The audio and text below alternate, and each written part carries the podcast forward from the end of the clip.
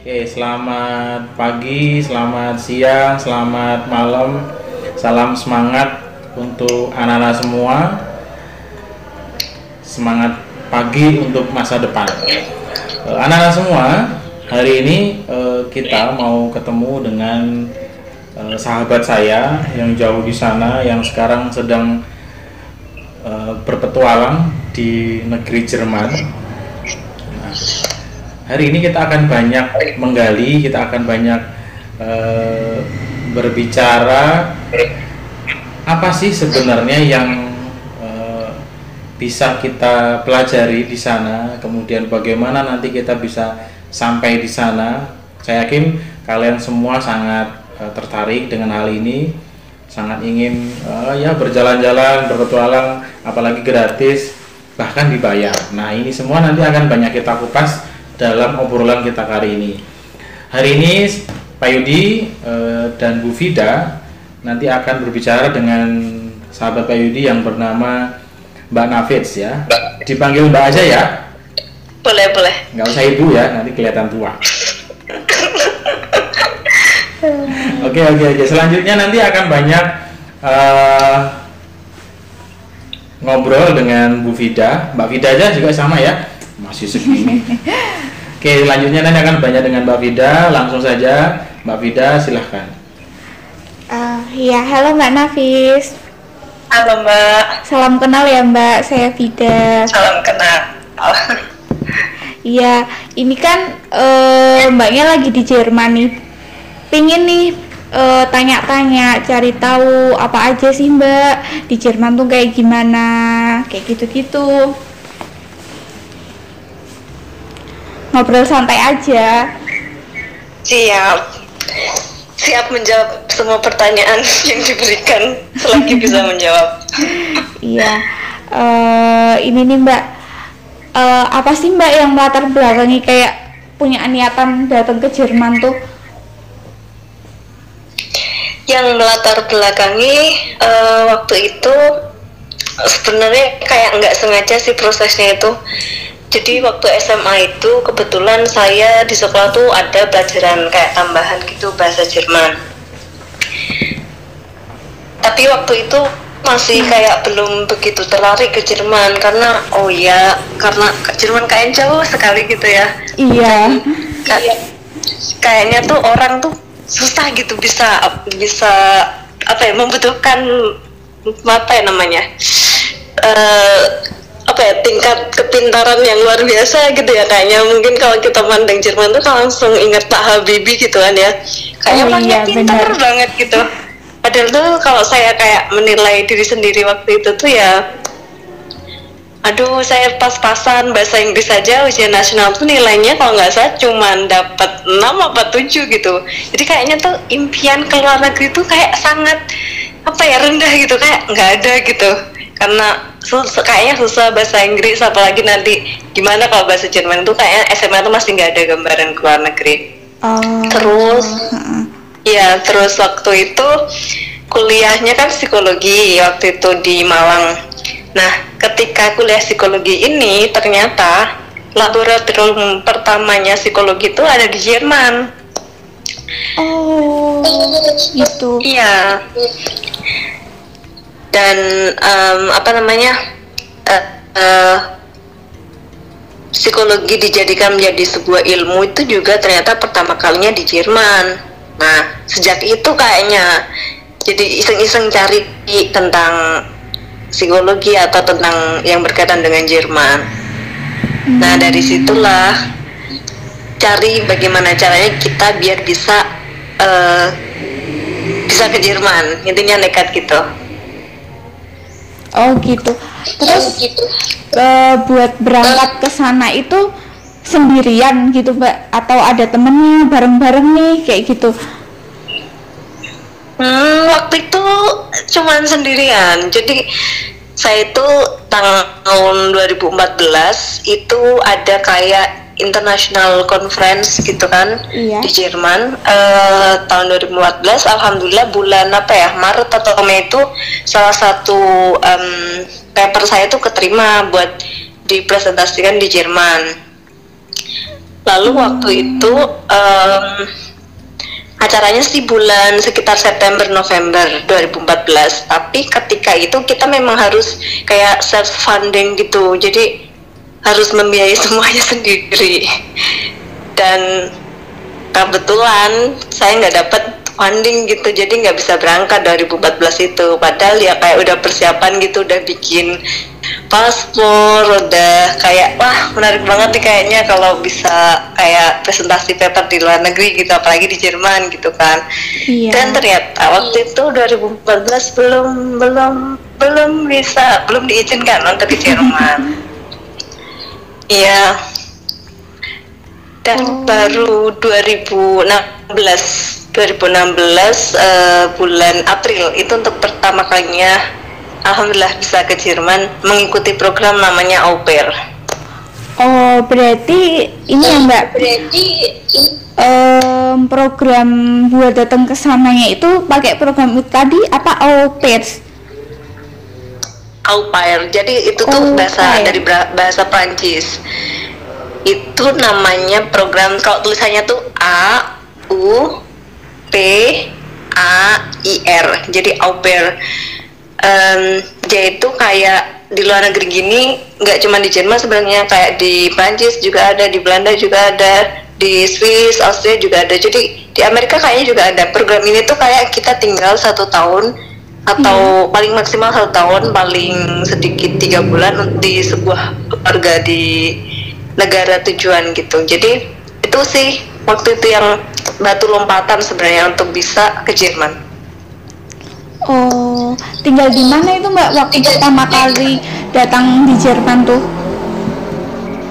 Waktu itu tinggalnya namanya Bad Homburg. Jadi itu sekitar 30 menit dari kota Frankfurt. Oh, seperti itu. Iya, iya. Ya. Terus ada kesulitan apa nih Mbak yang dihadapi waktu menjalani program itu? Jadi pas ikut program au pair itu, program lompatan pertama di Jerman itu kesulitannya adalah namanya kita budaya timur dan langsung di Jerman gitu ya yang Iya. notabene budayanya sangat beda. Ya pasti culture shock itu pasti. Jadi bagaimana kita eh, bisa tetap bertahan sendirian tanpa siapa pun dengan bahasa yang kita punya, dengan kemampuan yang kita punya, itu bisa beradaptasi hidup dengan mereka yang tetap beda budaya, beda beda latar belakang semuanya beda. Jadi kita kayak gimana caranya kita bisa survive dengan makanan mereka, dengan semuanya itu sendirian. Jadi itu yang paling berat sih selain bahasa ya, bahasa Jerman di sini kan juga sangat penting. Kalau orang nggak paham eh, bahasa Jerman atau komunikasinya masih susah itu menjadi tantangan tersendiri hidup di Jerman ini. Oh, seperti itu. Berarti Mbak ini ini ya, waktu pertama kali datang nih sampai di Jerman, itu udah komunikasi pakai bahasa Jerman gitu, Mbak? Hmm, enggak, jadi pertamanya itu saya dua bulan itu pakai bahasa Inggris. Oh, pakai bahasa Inggris. Iya, nah tapi sekarang itu setelah saya empat tahun di Jerman, saya ternyata udah lupa malahan bahasa Inggris karena nggak pernah dipakai lagi di sini. Oh, gitu. Iya. Terus em, selama pakai bahasa Inggris, terus pakai bahasa Jerman, jadi ketemu orang-orang baru, jadi kita beradaptasi lagi bisa pakai bahasa Jerman nih. Betul betul. Jadi memang benar-benar kayak anak TK lagi belajar bahasa dari dasar banget itu waktu waktu itu awal-awal program au pair itu. Oh, gitu. Terus Iya. gimana nih Mbak menghadapi kesulitan tinggal di negeri orang? Kesulitan tinggal di negeri orang. Yang pertama itu kan kesulitan terbesar sebenarnya kan bahasa ya. Iya. Jadi semakin kita lebih cepat untuk menguasai bahasa mereka, semakin kita bisa lebih mudah bergaul dan beradaptasi dengan budaya mereka. Karena budaya dan pola berpikirnya masyarakat Jerman dengan kita itu sangat berbeda. Kalau saya ibaratkan tuh beda banget kutubnya, satu kutub utara, satu kutub selatan.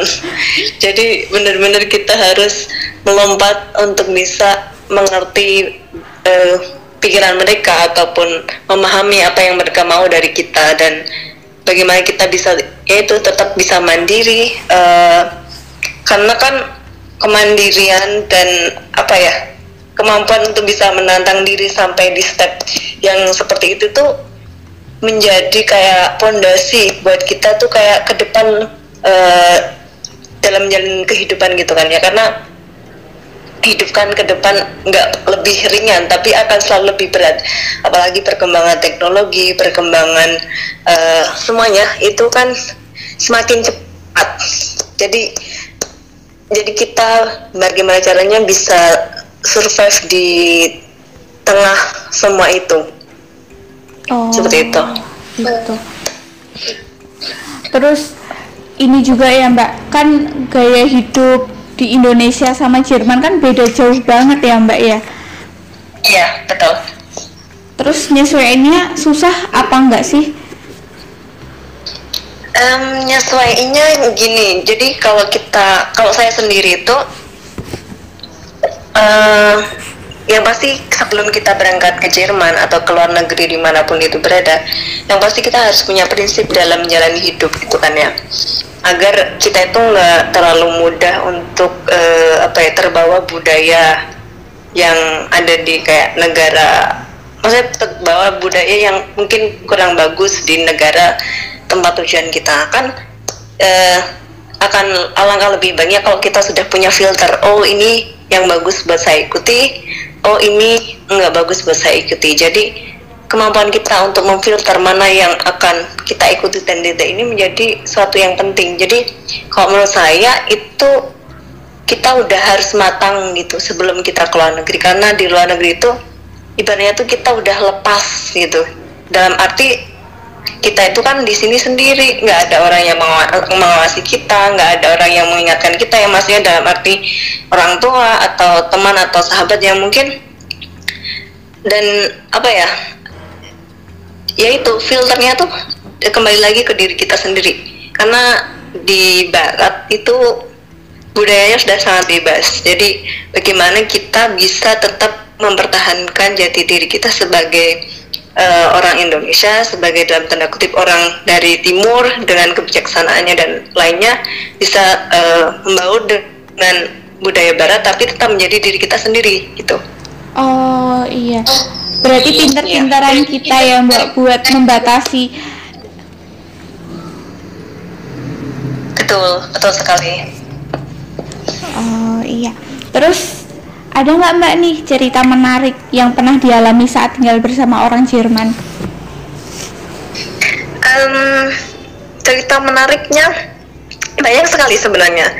Yang menarik lagi karena saya itu kan sekarang lagi mengikuti program namanya Ausbildung ya. Jadi kayak semacam sekolah semacam sekolah vokasi kalau di Jerman itu. Jadi kita setengah kerja setengah belajar atau kuliah nah kebetulan saya itu Ausbildungnya di bidang keperawatan di situ menarik sekali bagaimana kita bisa belajar sistem sistemnya orang hmm. Jerman dalam uh, gimana caranya mereka um, membuat peraturan dari dari kes, uh, untuk menjaga kesehatan manusia dari sejak lahir sampai uh, lansia atau bahkan meninggal. Jadi sangat bagus gitu. Kalau mau dibilang salah satu kesehatan terbagus di dunia itu salah satunya di Jerman sistemnya ya.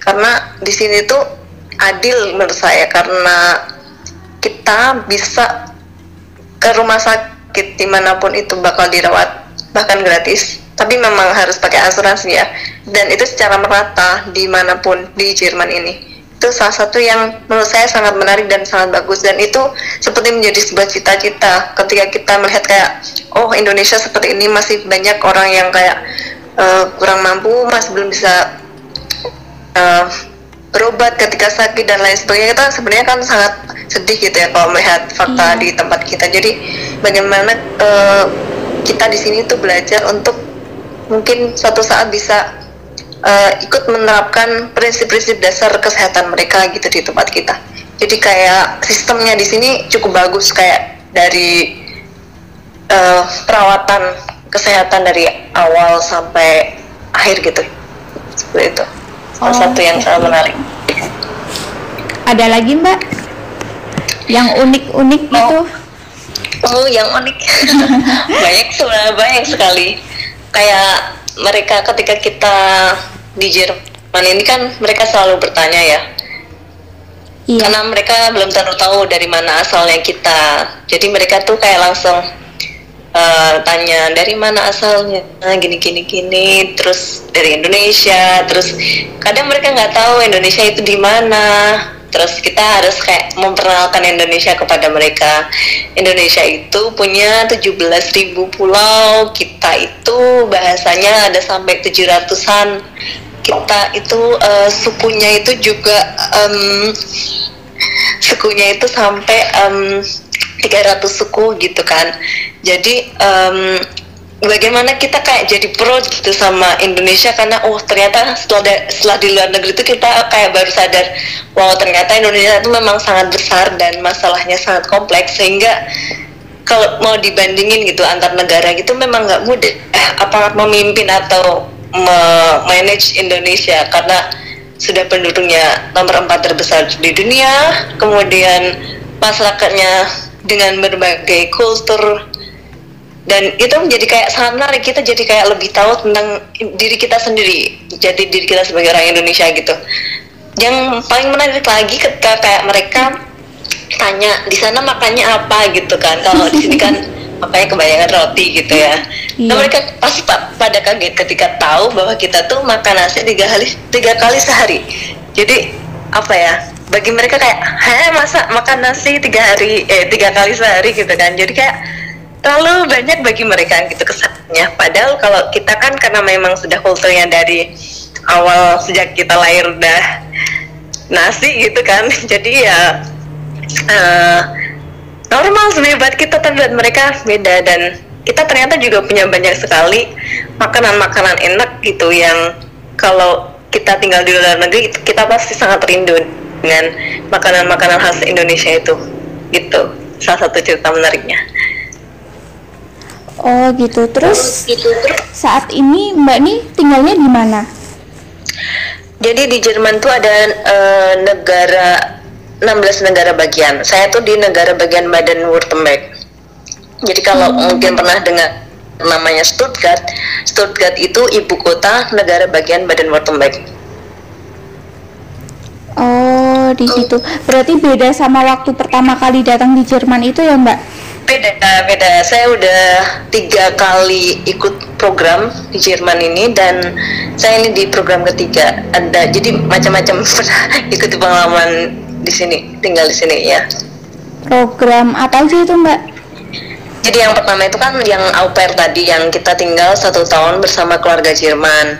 Terus Iya. kita di situ belajar bahasanya, belajar kulturnya mereka. Terus kita juga kayak ngasuh anaknya yang paling kecil gitu, ngajak main-main dan lain sebagainya. Itu yang tahun pertama saya ikuti. Tahun kedua itu saya ikut namanya program FSC. FSC itu Freiwillige Sozialjahr.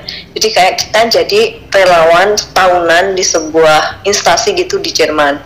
Kebetulan waktu itu saya satu setengah tahun di bangsal kayak psikiatri forensik. Jadi eh, saya ditempatkan di sana sebagai kayak relawan satu tahun. Kebetulan di situ saya setengah tahun dan kebetulan pasien-pasien saya itu karena di forensik ya forensik itu kebetulan pasiennya itu semuanya tersangka.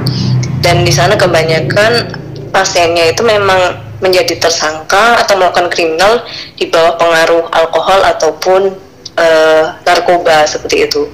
Dan mereka di situ melakukan terapi.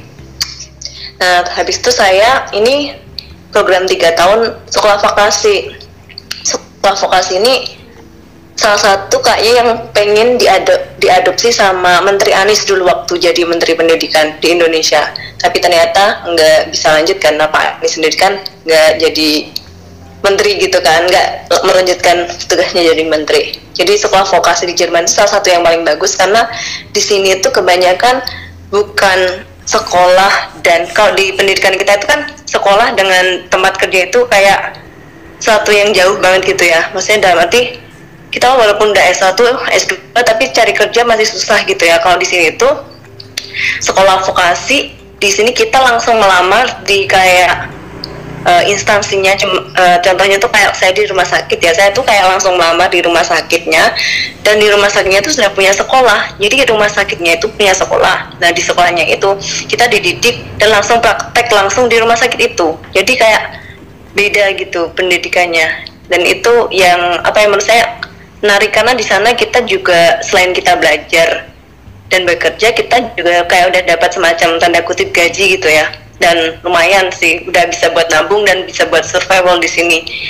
Seperti itu.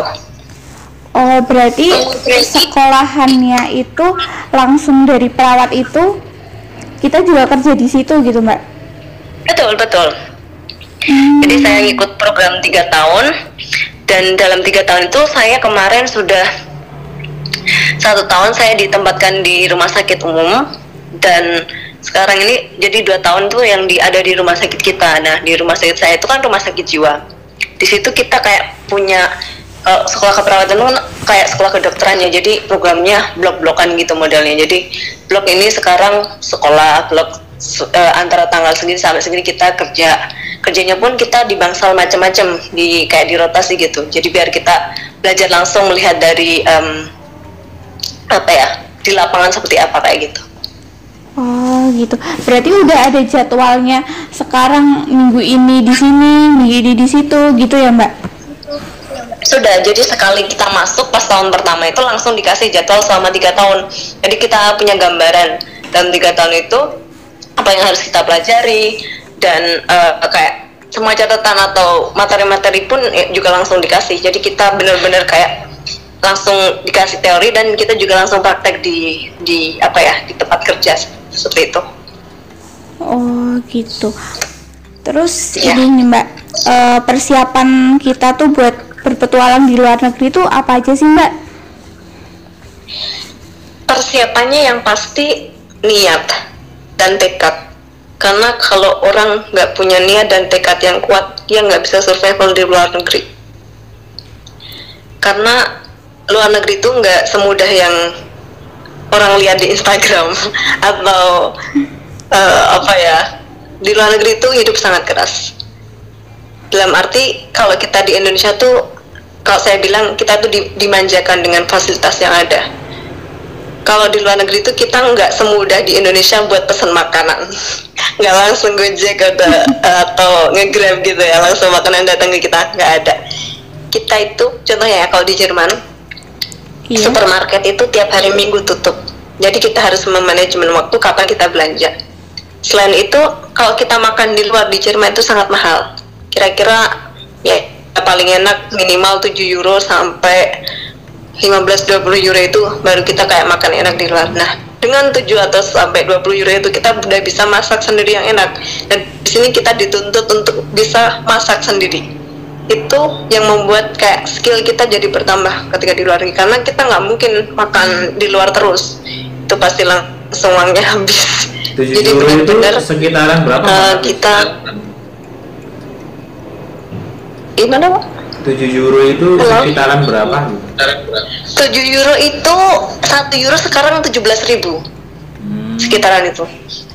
Jadi 17.000 dikali 7 itu sekitar oh, mungkin di atas 100.000 ribu berapa gitu. Saya nggak tahu pastinya. Jadi benar-benar kita memanajemen keuangan memanajemen semuanya selama di luar negeri itu Berarti harus pinter-pinter manajemen waktu ya Mbak? Manajemen waktu, manajemen keuangan, manajemen kesehatan, semuanya harus kita sendiri. Jadi kita harus benar-benar sejak di Indonesia tuh harus sudah fit dengan itu semua, sudah sudah bisa gitu. Kalau itu sudah bisa di Indonesia, kita nggak kita bakal bisa survive di luar negeri. Terus kalau em, mau berangkat ke luar negeri, tapi kita tuh udah kayak nggak percaya diri kayak, aduh nanti kayaknya aku nggak bisa deh ngomong bahasa Inggris, nggak bisa deh ngomong bahasa Jerman, itu gimana dong Mbak? Eh ya itu kembali lagi ke niat atau tekad atau tujuan kita ke luar negeri apa. Kalau kita punya niat tekad yang besar eh, halangan sebesar apa pun kita bisa survive. Tapi kalau kita udah dari awal ragu dan pinginnya nyerah kayaknya mending nggak keluar negeri karena di luar negeri itu apa ya saya ini cerita fakta aja ya di luar negeri itu ketika orang di sini terutama tekanannya luar biasa dan kemudian eh, nggak kuat imannya atau nggak kuat uh, ininya. Ada juga orang Indonesia yang bunuh diri. Jadi benar-benar orang itu harus apa ya kuat dengan tekanan. Karena kalau enggak uh, kasihan kasihan sekali. Di sini kalau cuman orang depresi gitu tuh kayak udah biasa. Jadi benar-benar kita ya tuh kalau saya saya imajinasikan tuh kita memang harus punya iman yang kuat sehingga kita bisa bertahan dengan kondisi uh, apa pun di luar negeri. Dalam arti kita tetap bisa punya apa ya punya fondasi yang kuat bahwa kita tuh sebagai orang Indonesia kita kita keluar negeri dalam rangka untuk belajar dan mengeksplor seperti apa dunia ini. Tapi kita juga harus punya basic yang kuat bahwa kita itu uh, benar-benar belajar di sini untuk apa ya mungkin kebermanfaatannya nanti bisa di ini apa dipakai di Indonesia ataupun um, apa ya? Jadi um, ya sebentar seperti itu uh, ya. gitu. Terus ini untuk siswa SMP yang perlu kita lakukan sebagai persiapan mumpung masih muda apa nih mbak? Kan banyak nih pasti anak-anak SMP juga dupin ke luar negeri kayak gitu betul. Kalau saya mendukung 100% untuk anak-anak Indonesia itu ke luar negeri dalam arti biar kita itu bersyukur sama Indonesia. Kenapa? Karena di Indonesia tuh hidupnya terlalu nyaman. Dalam arti kita tuh cuman kayak 10 meter aja kita pakai motor gitu kan itu sangat langka di luar negeri terjadi. Di, di contohnya di Jerman ya kita tuh sangat biasa dalam satu hari pedaan 20 km atau jalan kaki sampai 5-10 km jadi di luar negeri itu memang sistemnya kayak transportasinya tuh sudah sangat bagus. Jadi kita dilatih untuk benar-benar sehat dan apa ya di sini kan motor sangat jarang ya.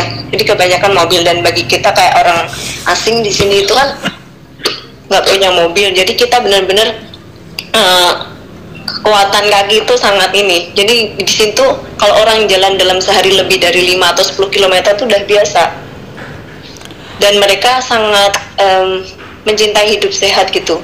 Mereka sangat um, apa ya ya menjaga semuanya. Dan yang harus dipersiapkan anak-anak SMP untuk yang pengen keluar negeri uh, passion ya. Kalau keluar negeri terus tujuannya apa itu kan kembali lagi ke passionnya kita. Kita sukanya apa gitu ya. Contohnya sukanya di bidang teknik kayak Pak Habibie.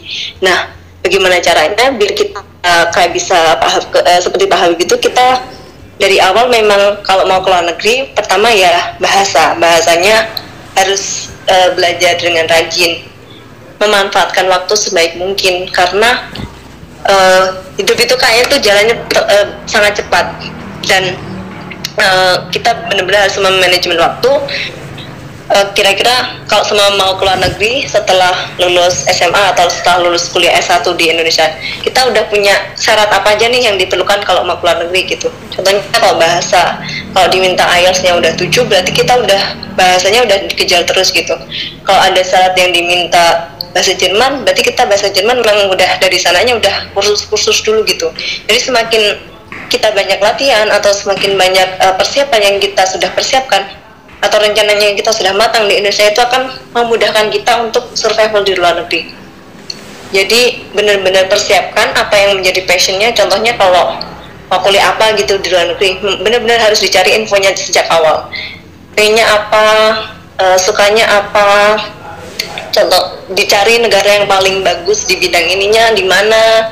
Terus kita memperluas networking atau um, orang-orang cari kenalan dari orang-orang yang sudah di luar negeri kemudian tanya-tanya. Contohnya paling gampang tuh cari cari aja teman-teman PPI atau Persatuan Pelajar Indonesia. Itu ada di seluruh dunia.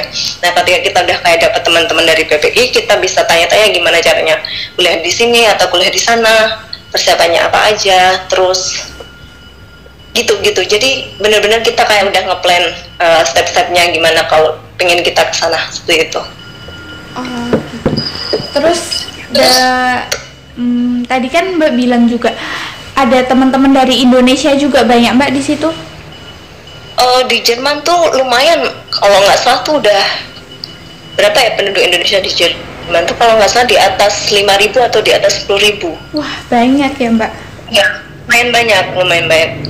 Karena Jerman kan Pak Habibie kan sangat ini ya kayak jadi inspirasi gitu ya. Kebanyakan buat buat Jerman tuh pendidikannya bagus. Selain itu di sini tuh pendidikannya murah. Kak yang mahal tuh di sini biaya hidupnya, kayak biaya sewa apartemennya. Kalau makanan sebenarnya masih relatif murah kalau dibandingkan dengan negara Eropa lain di sini masih murah. Yang mahal itu memang ininya apa namanya? eh, biaya hidupnya. Tapi di sini itu bagusnya kalau kuliah contohnya itu bayarnya cuma 200 euro atau 300 euro per semester. Dan itu pun paling kalau di Indonesia kan 3 sampai 5 juta. Dan itu untuk semua jurusan loh, bukan kalau kayak di Indonesia kan kedokteran sampai berapa juta gitu ya. Iya. Nah, di sini tuh di situ rata-rata cuma 200 300 sampai 500-an euro itu buat yang sekolah negeri ya maksudnya universitas negeri dan itu sangat sangat murah sebenarnya kalau dibandingkan dengan negara-negara lain seperti Amerika, Australia atau Inggris gitu. Makanya banyak orang Indonesia yang pengen studi di sini. Tapi memang yang menjadi tantangan tuh eh, apa bahasa Jerman kebanyakan. Selain itu em, kalau orang sudah kayak punya basic yang bagus dari bahasa Jermannya di sini tuh insya Allah nggak terlantar. Soalnya eh, di Jerman sedang banyak dicari apa ya kayak pekerja gitu ya karyawan sedang banyak dibutuhkan karena kalau secara sejarah itu kan eh, apa namanya piramida penduduk di Jerman itu kan kebanyakan orang-orang tua. Nah di Jerman tuh banyak butuh orang-orang tenaga ahli yang masih muda-muda sehingga di Jerman ini sekarang banyak sekali orang asing karena mereka memang butuh orang tapi nggak ada sehingga mereka apa ya menjamin kayak pada banyak bidang itu untuk diisi orang-orang asing gitu. Oh Jadikem- kemungkinan untuk ke sini itu sangat besar dan untuk survive itu juga sangat besar. Dan kita memang butuh persiapan yang matang, eh, tekad dan niat yang kuat dan apa ya? Sebenarnya apa ya kemauan sebenarnya. Jadi kalau masalah dana itu di sini tuh bisa lah nggak nggak terlalu dipikirkan karena kita kayak sebenarnya kita udah kuliah gitu ya. Terus kita itu em, kekurangan dana. Nah kita tuh kalau kayak kerja sampingan jadi kayak pelayan di bar eh, kayak di eh, tempat ngopi kafe gitu atau jadi eh, ikut bantu-bantu bersih-bersih atau cuci-cuci piring itu ya kita tuh di sini dibayarnya per jam. Jadi per jam tuh kita bisa dibayar 8 euro atau sampai 10 euro. Jadi kalau kita dalam satu hari itu 4 atau 5 jam kerja berarti kan udah kayak 50 euro gitu ya. Nah kalau 50 euro kalau seminggu kerjanya bisa berapa hari gitu kan udah lumayan tuh dapat dalam satu bulan. Itu bisa buat kayak bayar apartemen kita atau buat bayar apalah yang lain. Jadi di sini tuh untuk hidup masih sangat bisa bisa diusahakan gitu. Loh mbak kalau kita Tapi mau, ya- mau nyambi kerja nih kayak tadi Ya. di tempat kopi di bar kayak gitu. Ya. terus eh, apa dari tempat kopi barnya itu tuh nggak menentukan jadwal kita atau apa kita yang menentukan jadwal kita? Itu tergantung kesepakatan sebenarnya. Jadi kan kan ada peraturan ya dalam visa kita itu sebagai student kita boleh kerja berapa jam gitu ya dalam uh, satu semester. Jadi kita biasanya kita mencari jadwal yang pas. Kalau kita kerjanya atau sekolahnya atau kuliahnya tuh eh, apa namanya nggak nggak selalu berubah-ubah gitu. Tapi kalau jadwalnya kita udah pasti kayak kita hari Senin Rabu Jumat kuliah. Nah hari yang lain kan kita juga bisa kerja sampingan selain buat ngerjain tugas kuliah ya.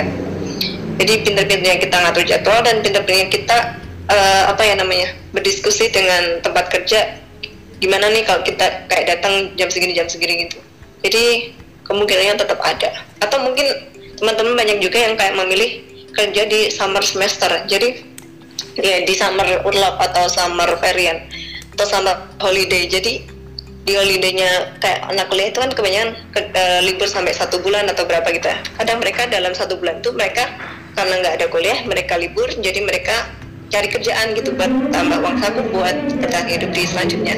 Kayak gitu teman-teman banyak eh, mau nanya juga nih kan tadi Mbak bilang juga kalau eh, kuliah negeri di sana tuh lumayan murah ya Mbak apalagi semua jurusan sama biayanya segitu Em, untuk masuknya sendiri tuh apa ada tes khusus atau enggak sih Masuk di mana nih? Sekolah sarjana, sekolah master atau dokter?